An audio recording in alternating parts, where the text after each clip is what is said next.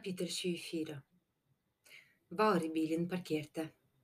Harway og Cassandra klatret bak lasterommet der de tok på seg arbeidstøy.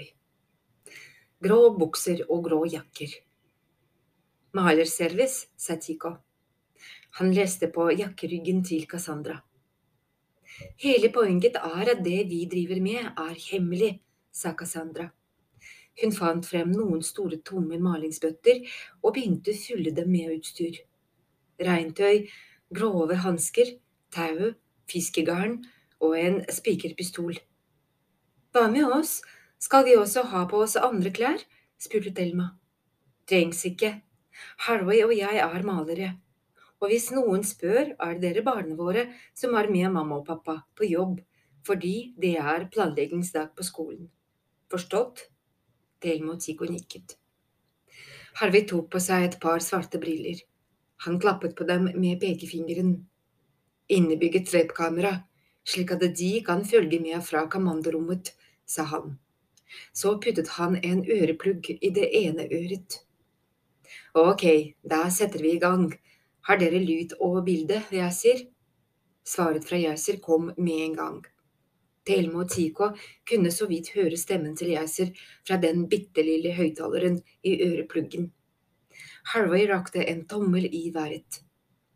Cassandra dro opp skyvedøra, og alle fire hoppet ut med en malingsbøtte i hver hånd. Harvey visste vei. Sykehuset besto av mange ulike bygninger som var samlet på et stort område. Noen gamle mursteinbygninger, noen mer moderne blokker av grå betong, brakker, lagerbygg og garasjer til ambulanser. De passerte to hvitkledde sykepleiere som tygget på hver sin sandwich, og en ung mann som trillet en gammel dame i rullestol. Ingen så ut til å bry seg om dem. De gikk inn i en bakgård, forbi en rekke søppelkonteinere, og kom til en grå ståldør. Over døra var en liten svart kuppel, et dørkamera. Harvey så opp og vinket. Døra ga fra seg et bzz. Harvey åpnet. Stikk på, stikk på, innta plassene deres, showet begynner straks, sa han og vinket dem inn. Cassandra gikk først. Tico og Thelma fulgte etter. Harvey lot døra gli igjen, den ga fra seg et metallisk knirk før den lykket seg med en drønn. Det var i enden av en lang korridor uten dører eller vinduer. Veggene hadde en gang vært hvite, nå var de gulnet, malingen flasset av mange steder. Det grønne gulvbelegget var blankt, men flekkete. Tico la merke til mørke spor etter alle trallene som hadde kjørt der. Lik traller, tenkte han og grøsset. Et av lysrørene i taket blafret, lukten av klor rev i nesen. Det begynte å gå innover. Tico la merke til at gulvet skrådde nedover. De var på vei ned under bakken. Harry begynte å plystre på en melodi. Thelma tenkte at han enten gjorde det for å vise at han var helt uanfektet, eller så var det for å irritere Cassandra. Det nærmet seg en dobbeltdør. Thelma syntes hun hørte stemmer, og plutselig braste en grønnkledd mann ut av døra foran dem. Thelma skvatt og klarte så vidt å kvele et skrik. Han hadde et munnbind dinglende rundt halsen, og på hodet hadde han en grønn plasthette. Fort dere! ropte mannen. Øynene hans var store og runde bak stålbrillene. Han hadde panikk. Doktor Spinnerly, hyggelig å se deg også, sa Harvey. Det virket som du har noe spennende på menyen i dag. Spinnerly la merke til Tico og Thelma. Dere kan ikke ta med unger inn her, sa han. Dette er ikke vanlige unger, disse to smurfene er nemlig våre nye agentkolleger, sa Harvey. Eller de blir våre nye kolleger hvis de overlever utdannelsen. Hvis ikke så kan det hende de ender opp her, hos deg. Harvey, utbrøt Cassandra. Men var alt spinnelig klarte å si. Ja, det var min første reaksjon også, sa Harvey. Det blir stadig yngre. Snart speider vi etter talenter i barnehagen. Men vi bør vel ikke la de ulydige likene vente? Spinelli fikk fart på seg. Han løp nedover gangen. Gummistøvlene hans skviket mot gulvet. Det vide, grønne antrekket laget svysjlyder. Lukten av klor ble gradvis sterkere jo lengre ned de kom. I denne delen av korridoren var det dører.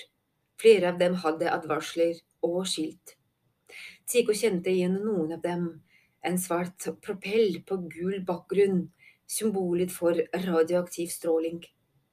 Og en oransje hodeskalle som betydde at her ble det oppbevart giftige stoffer. Traller av stål, liktraller, sto på en rekke langs veggen, som en slags tog. Thelma så for seg at det lå mennesker på dem, hun fikk frysninger av tanken. Korridoren delte seg, de tok til høyre. Den delte seg en gang til, og de tok til venstre. Så kom de til nok en dobbeltdør. Spinneli trakk i en snor som hang ned fra taket, og døra åpnet seg. Rommet de kom inn i, så ut som en slags blanding av kontor og garderobe. Cassandra og Harvey vrengte av seg malerklærne åpnet malingsbøttene og begynte å ta på seg tykt regntøy og beskyttelsesutstyr. Jeg har aldri sett noe lignende, sa Spindeli og sank ned på en stol. Er det mer enn én? spurte Cassandra. Tre stykker, sa Spindeli. Thelma la merke til at Harvey og Cassandra kikket på hverandre. Men det er ikke det verste, sa Spindeli og dro av seg hatten. Han hadde røde merker på skallen der han hadde kløt seg. Jeg tror at viruset kan ha mutert. At det har utviklet seg, blitt enda farligere, mer aggressivt. Vi har jo lenge fryktet at det skulle skje. Virus? Kan noen forklare, sa Thelma. Cassandra nikket til Spinnerly. Han snudde kontorstolen sin mot Thelma og Tico. Av og til når mennesker dør, så skjer det at de våkner til livet igjen, som de vi kaller zombier. Heldigvis skjer det svært sjeldent, vanligvis bare med én av fire millioner, men når det skjer, så ja, det er ikke vakkert, som dere snart kan få se. Og det skyldes et virus, sa Tico. Spinnerly nikket. Rabbis extremis. Dere har kanskje hørt om vanlige rabbis, hundegalskap. Vel, zombieviruset er en mer avansert og aggressiv variant av dette viruset. Ofrene lever sine liv lykkelig uvitende om at de har viruset i kroppen.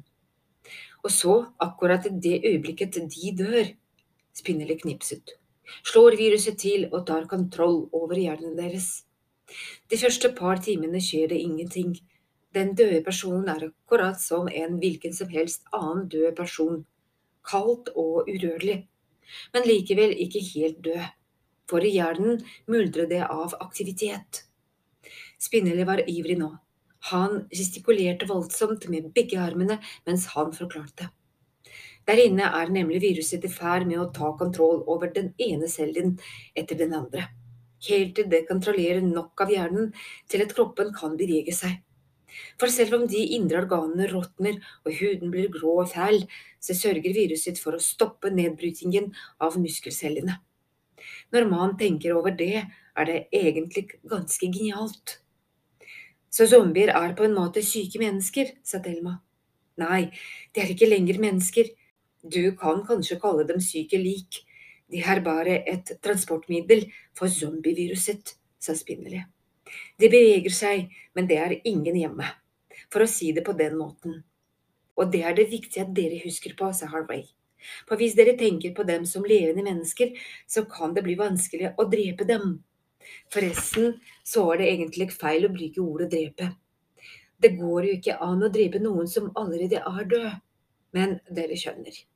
Men er det sant at de spiser folk? sa Tico. Han var kvalm, og egentlig ville han ikke vite svaret heller, men han klarte ikke å la være å spørre. Ja, det stemmer. Det er sånn de får energi. De vil bare ha kjøtt, og fem om dagen er ikke noe de bryr seg om, for å si det sånn. Men det aller viktigste for zombiene, eller rettere sagt for viruset, kroppene de styrer har jo ingen egen vilje siden de er døde, er å bite.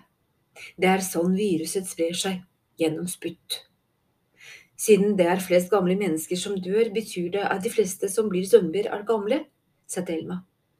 Veldig bra spørsmål, sa Spinnerly, men svaret er nei. Zombieviruset er nemlig smart. Det foretrekker unge og sterke lik, eller vertskropper, som vi kaller det. Da har det større sjanse for å kunne spre seg til andre. Og det mest fascinerende av alt er at han avbrøt seg selv. Hørte dere det? hvisket han og holdt en pekefinger i været. Thelma og Tigo hadde hørt det. Dunkelyder. Der var det igjen. Dunk, dunk, dunk. De så mot dører som førte inn til selve likkjelleren, eller abduksjonssalen som det egentlig het. Lydene kom derifra. Det er visst noen som vil ha oppmerksomhet, sa Harvey, og det syns jeg nesten de skal få. Han løftet spikerpistolen. Tigg og Thelma, er dere klare?